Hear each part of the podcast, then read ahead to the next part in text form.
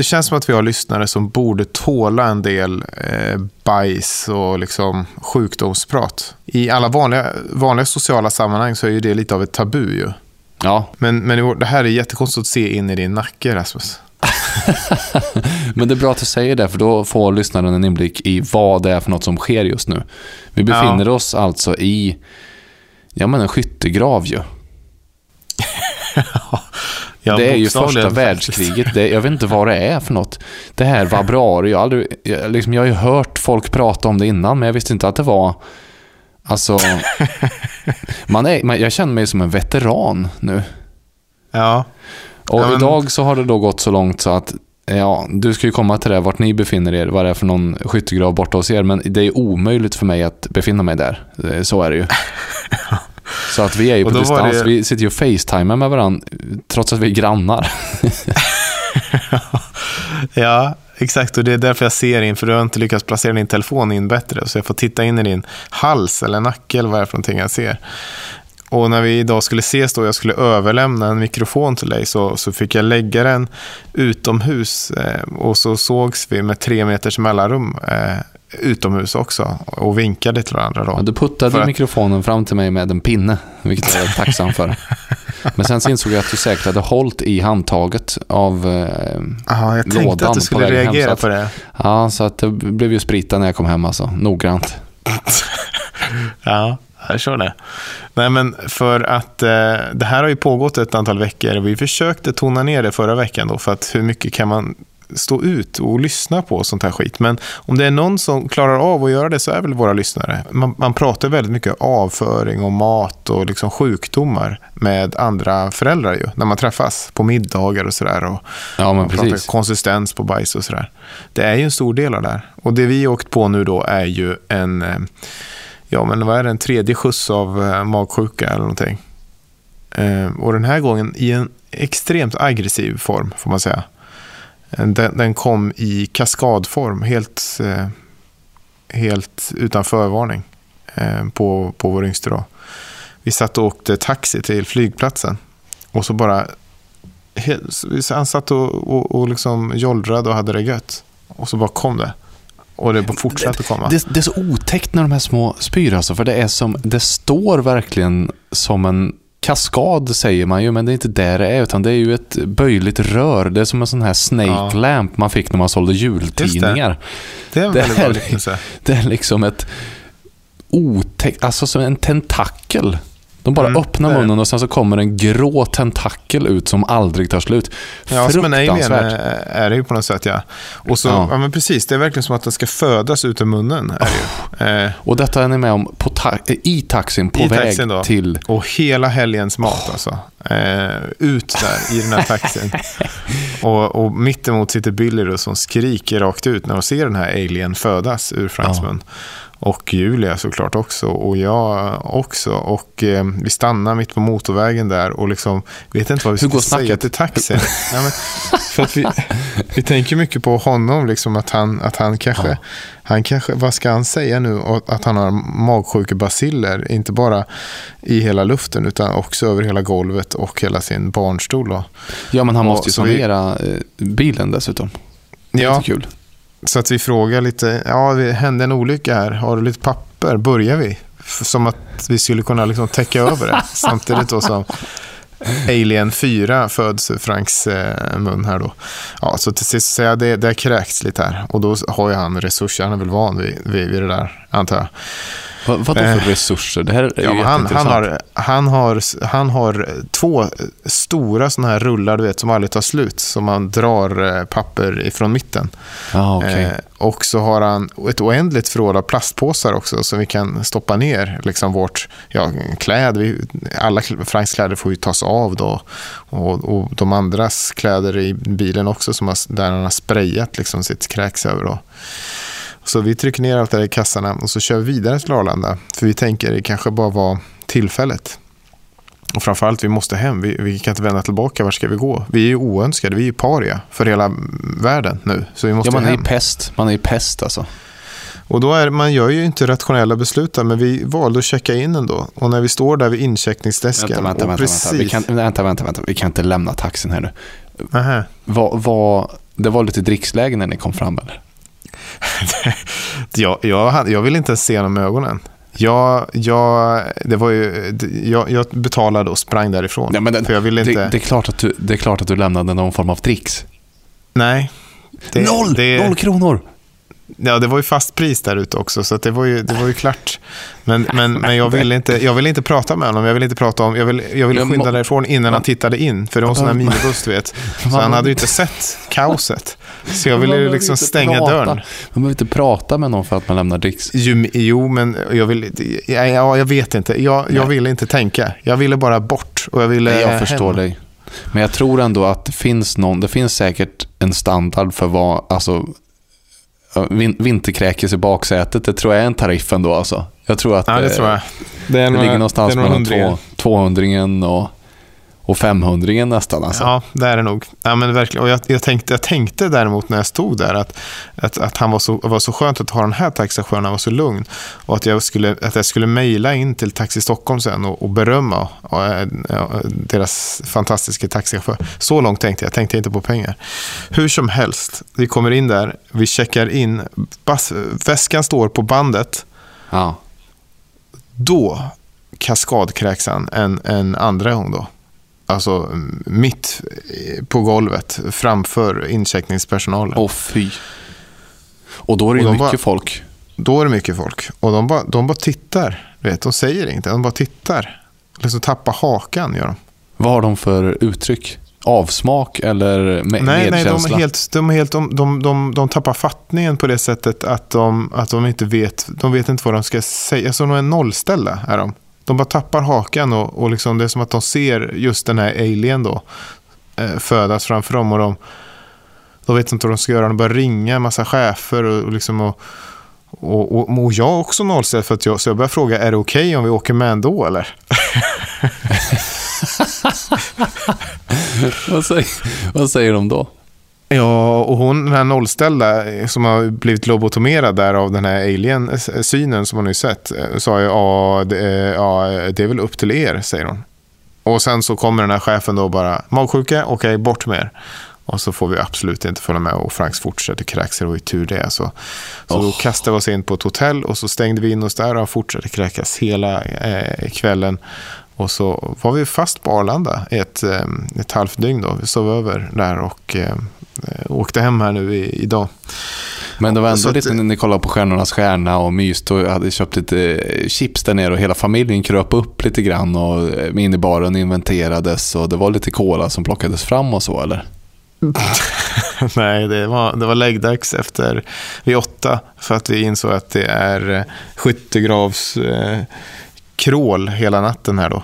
Eh, med eh, spyor och vakna barn och feber och allt vad det kommer vara.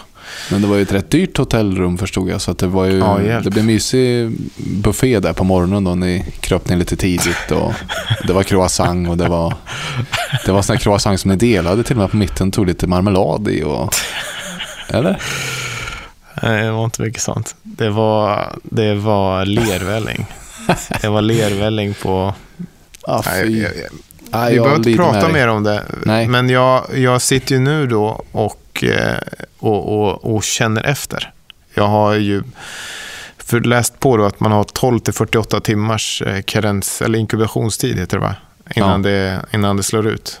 Så att, eh, Det finns inget fönster av tid som är mer otäckt att befinna sig i än just 12 till 48 timmar efter någon i ens familj har haft alltså vinterkräksymptom.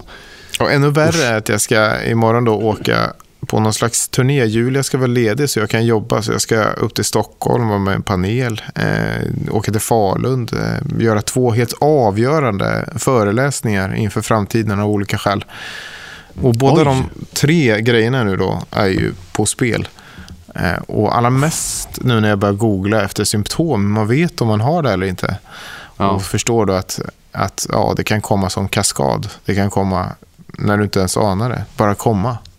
Så börjar jag fantisera ihop att jag kommer stå på scen i Falun och spruta ut kräks över hela publiken. Äh, fy fan alltså. Är du äcklad nog? Oh, vi men jag, li, jag, li, jag lider med dig så mycket.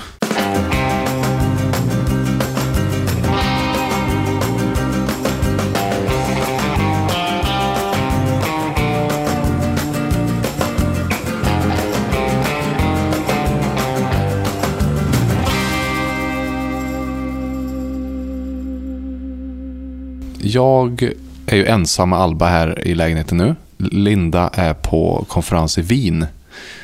Mm. Så det här har ju då slumpat sig så att eh, ja, men det blir bra timing för oss att börja vänja av med den här nattamningen då som vi har haft så mycket problem med. Mm. Så i natt, det var fruktansvärt jobbigt. Alltså hon skrek från 11 på kvällen till eh, halv tre först. Paniskt alltså. Och sen halv tre somnade hon och då fick jag såna här kräksjuksymptom. Så jag trodde jag skulle spy så jag låg en timme eh, och svettades. Och sen vaknade hon igen då va, vid fyra där och så skrek hon till eh, 6.30. Och sen gick vi upp. Så att det var, det var ju eh, kämp, kämpig natt kan man säga. Hjälp. Ja. Det här då med nattamning och att natta och att klara av det som pappa. Det, det är ju en av de här ångestgrejerna som jag har haft sedan jag blev förälder. Man har ju många sådana. Det finns... Ja, eh, ja men, Men det, börjar, det, det, börjar, det börjar ju direkt att, eh, att få barnet att acceptera bröstet och Mm. att sen få barnet att acceptera napp och att sen få barnet att acceptera modersmjölkersättning. Sen att intro, det är mycket med mat är det ju. Introducera smakportioner, att avsluta med bröstet, avsluta med mjölkersättning, eh, introducera välling. Men också det här med alltså, potträning. Det finns ju hur mycket olika metoder som helst. Babypottning. Det finns den här BLV-metoden. Att man måste låta barnet sitta och slabba med maten från att det är spädbarn. Eh, Mm. Vad finns det med fem minuters metoden? Det här med att eh, somna. Det känns som att jag sen jag blev pappa inte har gått och lagt mig en enda kväll med en positiv känsla kring mitt eget föräldraskap. För, förstår du vad jag menar? Alltså en odelat Mm. positiv känsla. Nej, just det. Det är alltid något som gnager. Mm. Det är något som man hade kunnat göra bättre och det, det finns alltid utvecklingsområden då. Mm. Jo, hon är ju en jättegod tjej och hon är social, men ah, hon är lite gnällig på kvällarna och det är det där med att hon inte har tagit napp och ja, men du vet. Mm.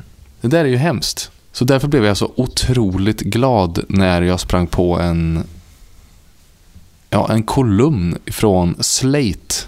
Det är väl Mm. en webbtech-sajt eller samlar eh, kolumner och artiklar och så. Du känner säkert till det här bättre Mm, än mig, mm. Slate. Ja, jag skickade ju den länken till dig också. Mm, halvvägs kom jag. Den, den byggde på någonting som jag verkligen sympatiserar med.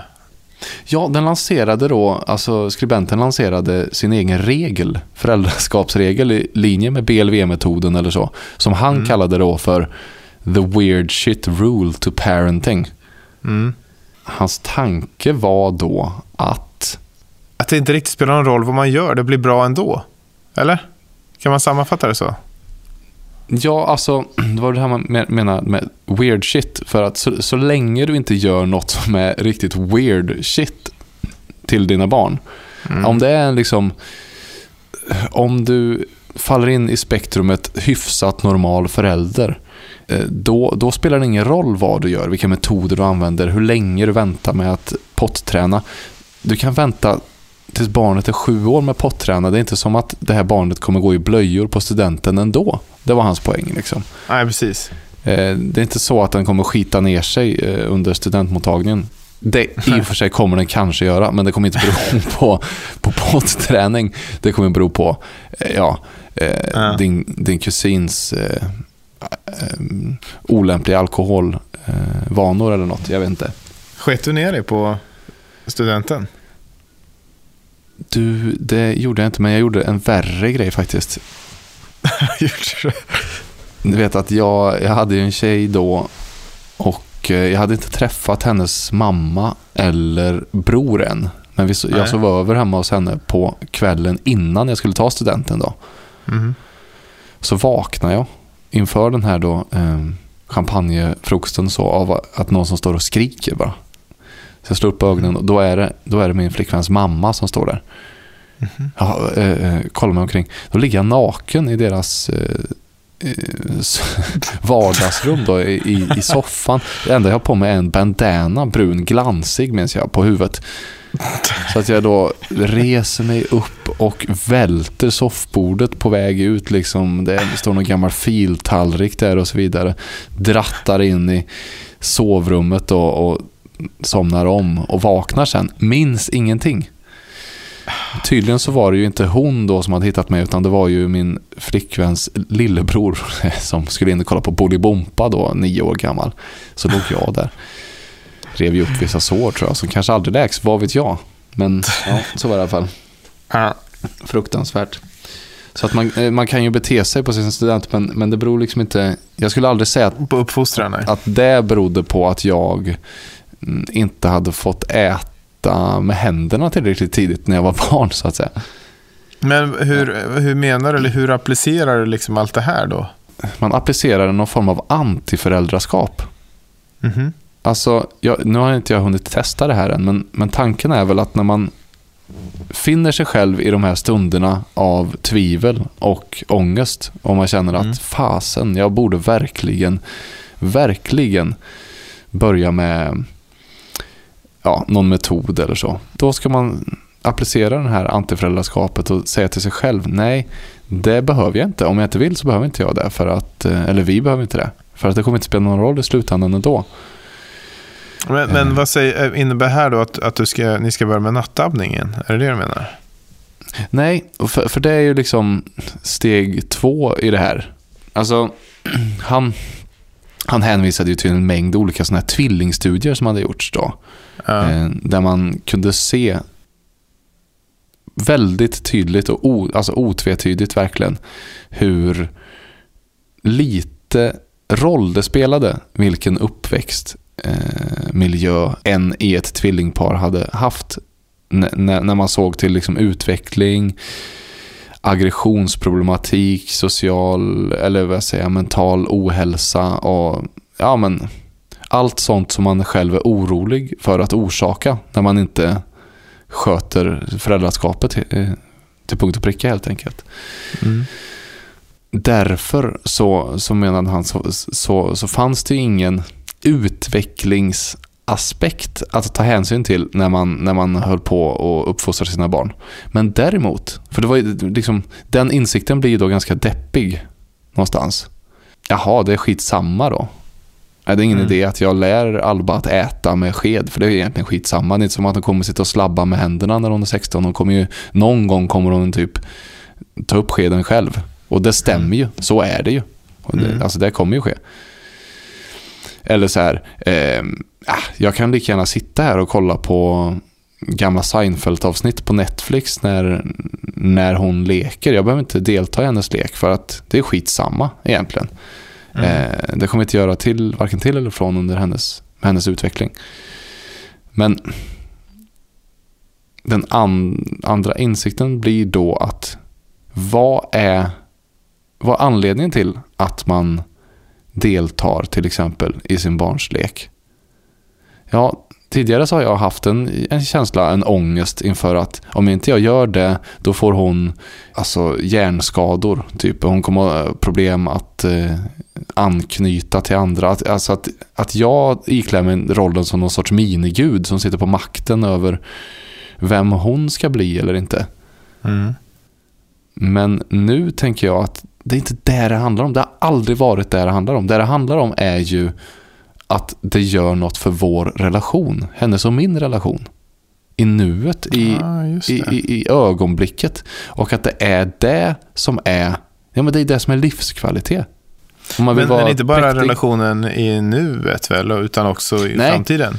Ja, verkligen. Ehm, för att om, om jag hade suttit och kollat i mobilen hela hennes uppväxt, hon hade inte kanske tagit någon skada av det utvecklingsmässigt, men vår relation hade tagit en skada av det.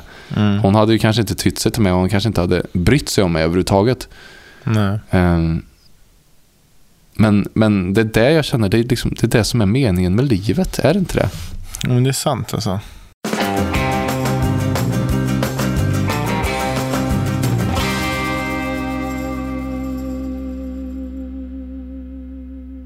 Vi har ju en sponsor som vanligt som heter Mat.se, vår kanske trognaste och godaste sponsor i dubbel bemärkelse. Alltså god. Hängde du med på? Jag med. Och eh, man kan använda koden PAPPA och då får man eh, 200 kronor rabatt om man är ny kund på sitt första köp. Om man handlar för minst 500 spänn. Det tycker jag verkligen man ska göra. Inte minst den här veckan. Det är ju våffelveckan. Jag tror att det, om den inte har varit, är lite osäker nu när jag säger det. Om den har varit, Potato, potato. Vi är ju föräldralediga. Det är lite höger och vänster. Vad Det är vem bryr lite- sig? det spelar man, ingen roll. Vara, man tar väl våffeldagen när man vill. Ja, exakt, när dina barn Ja. vill. Så att Ja. eh, passa på och köp ett gäng frasiga våfflor. De har ju också så fiffigt att de har massa recept på sin sajt. Och där kan du hitta våffelrecept. Våffelwraps eh, Ja, tipsar de mig precis om här. Det är också något. För den här förbannade mjölken som man ska ha i våfflorna, den tar ju alltid Ja. slut. Och det är jag så glad för att eh, Mat.se bär hem så mycket Ja. mjölk åt mig i veckan. Ja. Ja, vi, vi, vi tackar. Vi tackar. Och använd den, där- den där koden. Det är skitbra alltså. Tänk att köpa våfflor för 500 spänn. Bara betala 300. Underbart.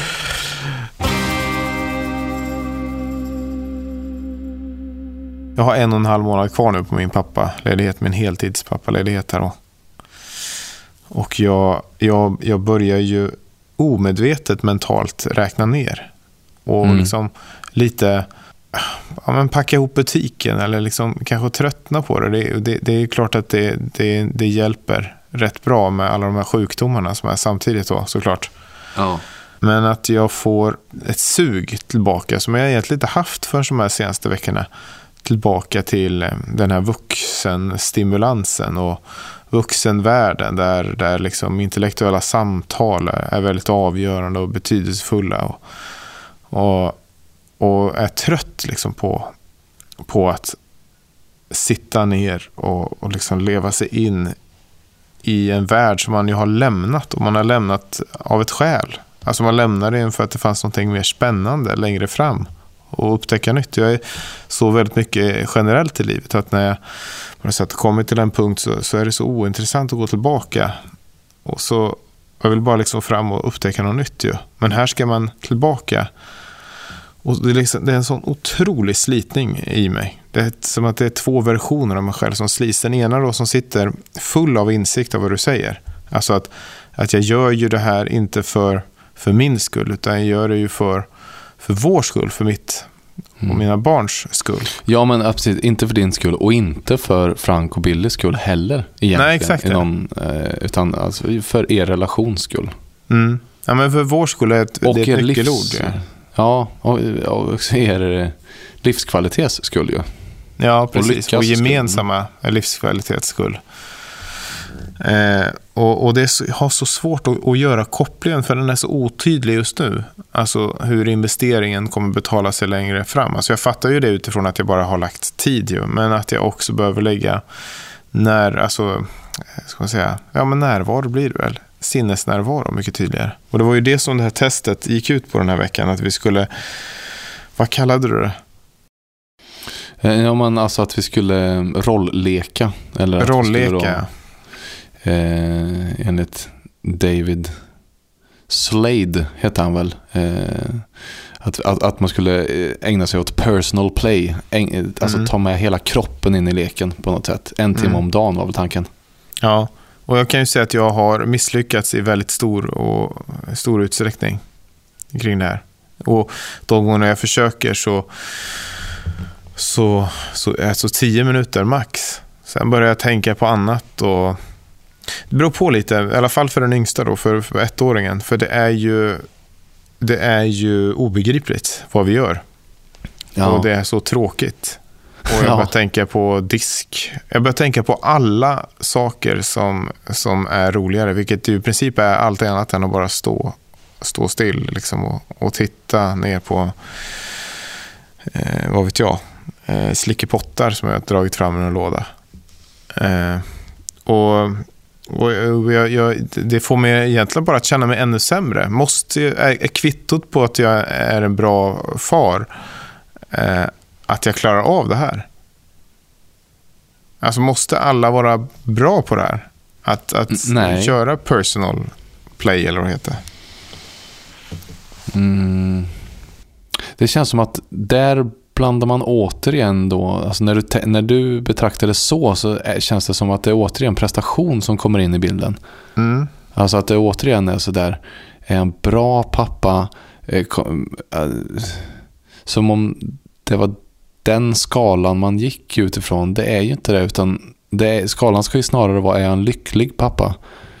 Har vi en lycklig stund, en lycklig relation, en lycklig, ja, ett lyckligt umgänge? Och det, det är ju, jag säger inte, det här var ju bara ett test så att säga. Det, är inte, det, det finns ju ingen fast väg fram till det. Men, men jag tror ändå att det är värt att utforska. Alltså jag, jag tänker mycket på när jag, när jag var tre till så att jag var sex. Eh, då bodde vi i ett kollektiv här i Göteborg. Eh, mm. Och då hade vi en kvinna som bodde på vinden. Och hon var skulptör och hemma massa. Så hon satt barnvakt åt mig väldigt ofta, flera gånger i veckan. Mm. Och jag, jag tror inte jag har en enda relation i mitt liv som jag så här långt senare värderar som lika magisk än just vår relation. Hon var närvarande. Hon tog sig an mig på riktigt. Hon... Ja, till exempel så, så kunde jag få komma upp där till vinden som bara det var ganska eh, magiskt. Ligga i hennes säng och sen så tog hon mig på såna här fantasiresor.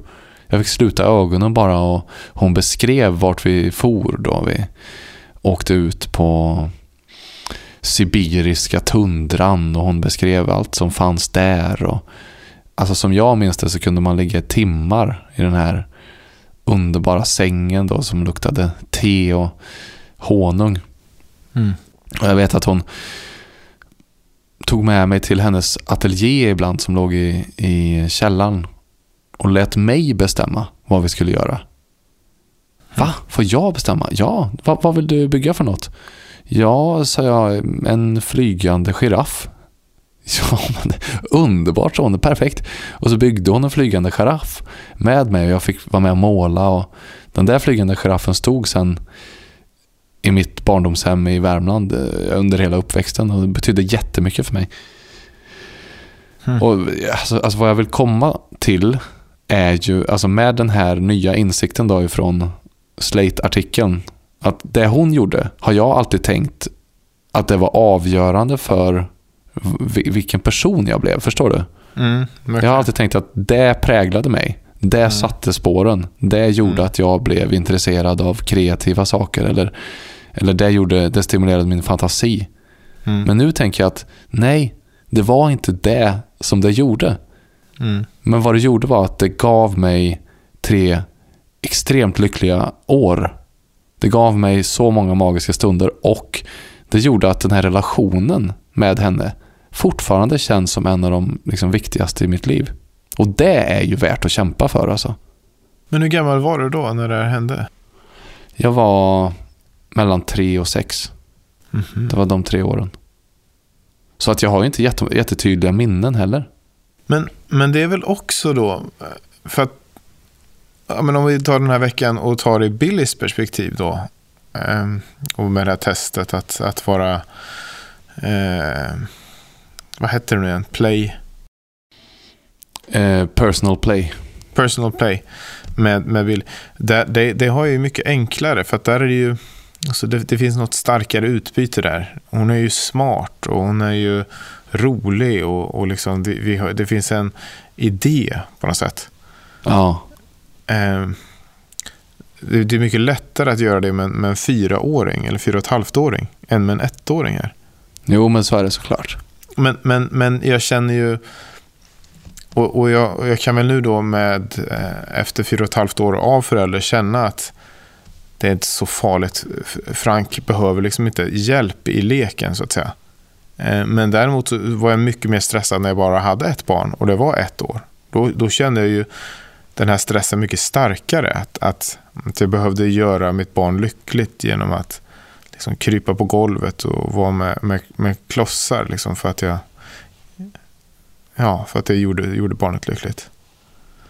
Men, ja. men eh, kan man säga i det här då att, att jag kan, eh, med den här eh, devisen, eller vad den här Slate-killen då eh, hade kommit fram till, att jag kan skita i det fram till tre år och, och när det började upp, komma där vid treårsåldern upp till, till, ja, uppåt helt enkelt, då blir det allt viktigare, inte för barnets skull, utan för min, för min och, och, och barnets relations skull.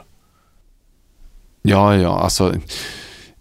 Och nu blir det som att jag sitter här som något facit. Det är ju verkligen inte så heller. Men, men jag, vad jag tror, eller vad jag tänker, är väl att eh, det finns som så mycket annat inget eh, universalknep eller så, eller en universell sanning. Är det inte så att, att man har olika eh, personligheter? Och man, mm. man, får, man får hitta sin väg till den här närvaron och till umgänget. Och kanske så är det så att den, den uppstår mer när Frank fyller tre år. Och då är det väl jättebra att, att uh, anamma det då. Liksom. Ja, men, och det, är sant. Och jag tänker att, att det är viktigt att, att öva eller att göra det. Att, eh, att, att, att försöka åtminstone. Um, och det är inte så att alla, alla måste älska alla åldrar av, av, av ens barns utvecklingstid, eller, man ska säga, eller period, eller uppväxt. Ja, nej, men, nej, precis. Men, eh, men, men att det stora problemet är att man inte ens försöker väl.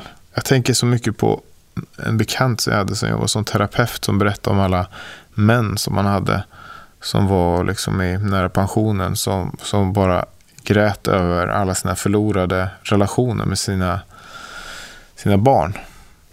Så ja. majoriteten av samtalen handlar om det. Hur de ångrar att de hade jobbat så mycket. Eller liksom prioriterat den här vuxenstimulansen så mycket då. Framför ja. sina barn. Det går inte att föreställa sig lika ogreppbart ungefär som, som pension eller någonting i framtiden. Att man ska börja liksom spara nu för att ha en god pension sen.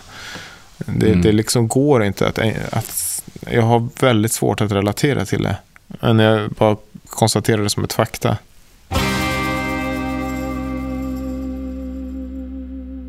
Hur gick det för dig i, med, med testet då? Jo, men... Körde du en jag, timme varje dag? Ja, och jag tror att jag hade det enklare än dig. Mm. Dels för att jag bara hade ett barn att fokusera på. Det, det tror jag är, är väldigt mycket enklare. Mm. Om man nu ska hänge sig hundraprocentigt menar jag. Mm.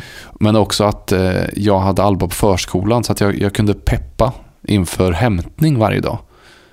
Och så mm. blev det till min, eh, min grej hela veckan att jag när jag hämtar bara ställer ut Alba utanför förskolan och sen får hon ta med mig på något äventyr som hon bestämmer. Mm, just det. Um, och då var det Alltså det var så det, var, det fanns vissa aspekter av det här som var underbart. Även om det var jättetråkigt också många gånger och jag tog upp mobilen. Eh, I'm not gonna lie. Men ibland så kan jag känna att alltså, så som vi lever nu är väldigt så här det, det är så snabba stimulis hela tiden så ja, dels att jag, att jag upplever att jag fått koncentrationssvårigheter med åren. Mm -hmm. Jag klarar inte av liksom långfilmer och kan inte sitta och läsa så utan det är alltid något annat som pockar. Men också att jag glömmer jag glömmer detaljerna för, alltså till förmån för helheten ofta. Och det här, den här veckan har varit en sån jäkla fin påminnelse om vilken potential det finns i de små tingen. Alba hon är ju totalt ren på något sätt. Mm. Så när jag sätter ner henne utanför dagis då, då är hon fram till en kvist som ligger på marken och sen så tar hon fram den kvisten och sen så är det, jag ser i hennes ögon och i hennes kroppsspråk att hon tänker hon tänker utforska Alltså hon tänker inte bara gå förbi den här kvisten. Mm. Var, det är väl självklart att man utforskar kvisten först. Undersöker vad den har att erbjuda. Mm. Finns det någon eh, eh, variation i den som man inte har sett förut? Finns det något speciellt i barken? Kan man se, föreställer den något? Alltså, jag, jag ser de här processerna i hennes huvud ju. Eller mm. blick. Och hennes fingrar som löper över barken. och Och på något sätt så har det där varit alltså som en kyrka nästan. Så som jag föreställer mig att folk som är troende känner när de ber. Alltså att man på något sätt påminns om just det. Jag är inte centrum här i universum. Jag är inte det mest betydelsefulla. Mm. Utan jag är bara någon som ska försöka fungera emellan alla de här andra sakerna. Eller så, oavsett hur stora eller små de är. Och också alltså lyckan, den rena lyckan verkligen. I att ja, man behöver inte gå någonstans. Det finns så mycket spännande saker bara precis utanför dörren. Så att vi har inte tagit oss ifrån, eh, vi, vi har alltså varit på förskolans parkering i fem dagar. Eh, men Fem det känns som timmar. att, ja, ja, ja, vi kan vara där vi, vi kan vara där månader till. Alltså, vi har inte ens börjat skrapa på ytan eh, kring all potential som finns där. Och det här är ju något eh, vackert. Tyvärr så känns det som det, att alltså. Ja, Va, va, vadå? Tyvärr känns det som att det... Nej, men man vet ju att det är man vet ju att det är övergående. Man vet ju att det kommer hon kommer sluta intressera sig för det också. Vad det lider. Mm. Det är ju jäkligt sorgligt med. Ja, men mest är det nog vackert. Alltså jag, jag, jag, jag beundrar dig att du klarar av det. Och jag föraktar mig själv lite att jag inte har klarat av det eh, den här veckan. Men, eh, Men om det är något som vi måste ta med oss ifrån avsnittet så är det ju att det där självföraktet inte är nej. har, det har inget syfte. För Nej. det är ju så lätt att trilla dit på det. Alltså jag föraktar mig själv med, Mm. alltså, så mycket. Eh, av så många olika skäl. Det ena dummare än det andra. Mm. Men jag tror att det är liksom det skiftet som vi måste introducera nu. Att vi ska sluta. För, för att alltså, föraktet beror bara på att man inte lever upp till någonting.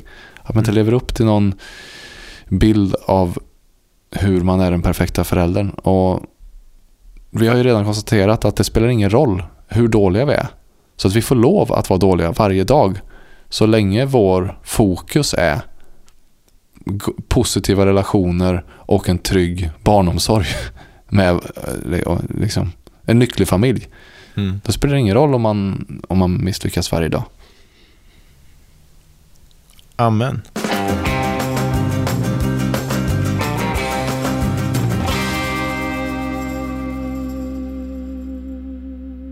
Vi är väldigt glada att åter den här veckan kunna få välkomna tillbaka Löfbergs.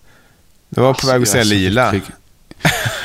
jag, jag, kollade bort här för ett ögonblick för Färjestad står ju, jag har haft på det under hela inspelningen här på, eh, ljudlöst på tvn. Färjestad mot Skellefteå här, vi ligger ju under 3 första kvarten. Men då känns det ju gott att man har lite Löfbergs här bredvid också. Ja, Underbart. Nej, men eh, det känns väldigt härligt. Det är också ett eh, begrepp då som vi eh, ju var med och fick lansera som heter kaffeslatte, där ju vi är slattepappor. Det här har ju satt sig väldigt bra. Det är ju ett stående skämt varje gång vi sätter oss ner här, att man är en slattepappa som ju tar tillvara på varje slatt kaffe, det vill säga dricker upp koppen, dricker upp det man brygger, eh, Ja. minskar matsvinnet och liksom vårdar sitt kaffe, har lite respekt för kaffet helt enkelt. Det har faktiskt blivit en sån succé. Den, du vet den här grejen som vi, alltså kanske lite eh, skämtsamt eh, lanserade då. Att man skulle hålla koppen över huvudet. Just upp och det. ner när man hade druckit för att liksom på något sätt då bevisa att, eh, att det är man hade... slattepappa. Eh, Var, ja, precis. Att man var en slattepappa. Det här har ju Alpa plockat upp. Och det är så jäkla härligt för att om det finns någonting som vi har haft problem med så är det att få henne att dricka upp vad det än är. Alltså. Jaha. Men nu tycker hon det är så otroligt roligt att kunna hålla eh, koppen över huvudet. Så ja, det, det känns som att det, det har fått eh, helt oanade användningsområden här också. Det kan Det- bli en rörelse känner jag. Det kan bli en rörelse, men det, då är alltså, är, är det här ett, ett kännetecken menar du då? Alltså eh, en, den, en tysta viskningen om att du är en slattepappa, att man håller en kopp över huvudet. Är det Ja, så att man går precis, förbi det- någon på stan och man håller koppen över huvudet så vet man, du är en slattepappa du också. Ja, men det, precis. Det är ju det är ju vårt hemliga handslag på något sätt. Alltså, jag, jag drömmer om att det ska bli så. Att när man sitter på ett café så tar man bara koppen, snabbt över huvudet bara kollar sig runt i lokalen. Ser om det finns någon annan slatteförälder där. Som ett slags scouttecken. Fast man då håller en kapp upp, kopp upp och ner. Eh, Vi får väl huvudet. se. Det får vara en liten testballong. Vi kastar ut den. Vi får se vad som händer. Det är fantastiskt. Vad vi däremot vet är att Lövbergs Lila är fantastiskt gott kaffe och vi är glada att de är med igen. Ja, det är vi verkligen. Tack. Apropå det vi pratade om med eh, arvet, hur det påverkar och sådär. Det, det tänkte jag på för att jag lyssnade på eh, Mark eh, Levengood och Jonas Gardells nya podd här i veckan. Som ju, eh, där de tog upp något DNA-test de gjorde och så vidare. De letade längre tillbaka i historien.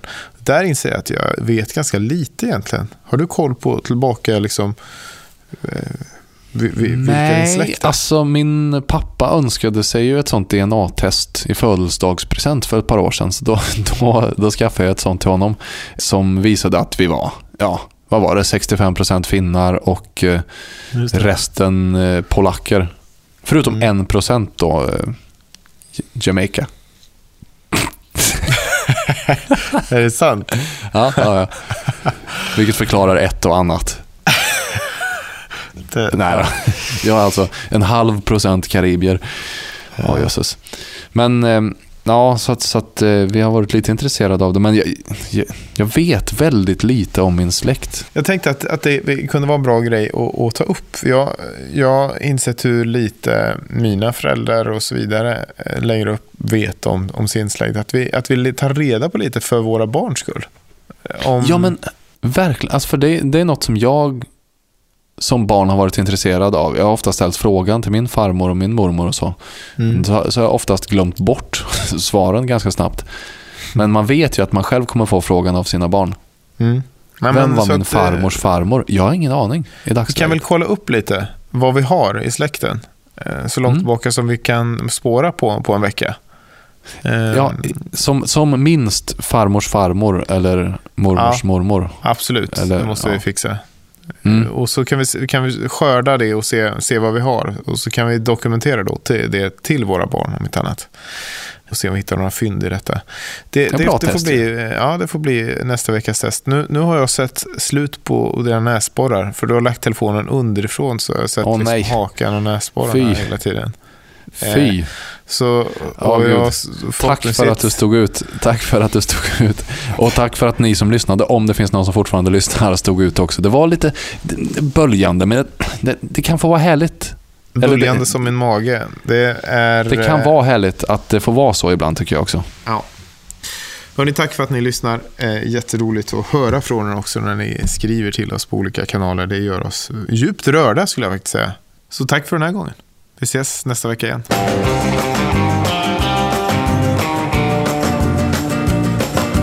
Faderskapstestet produceras av Munk.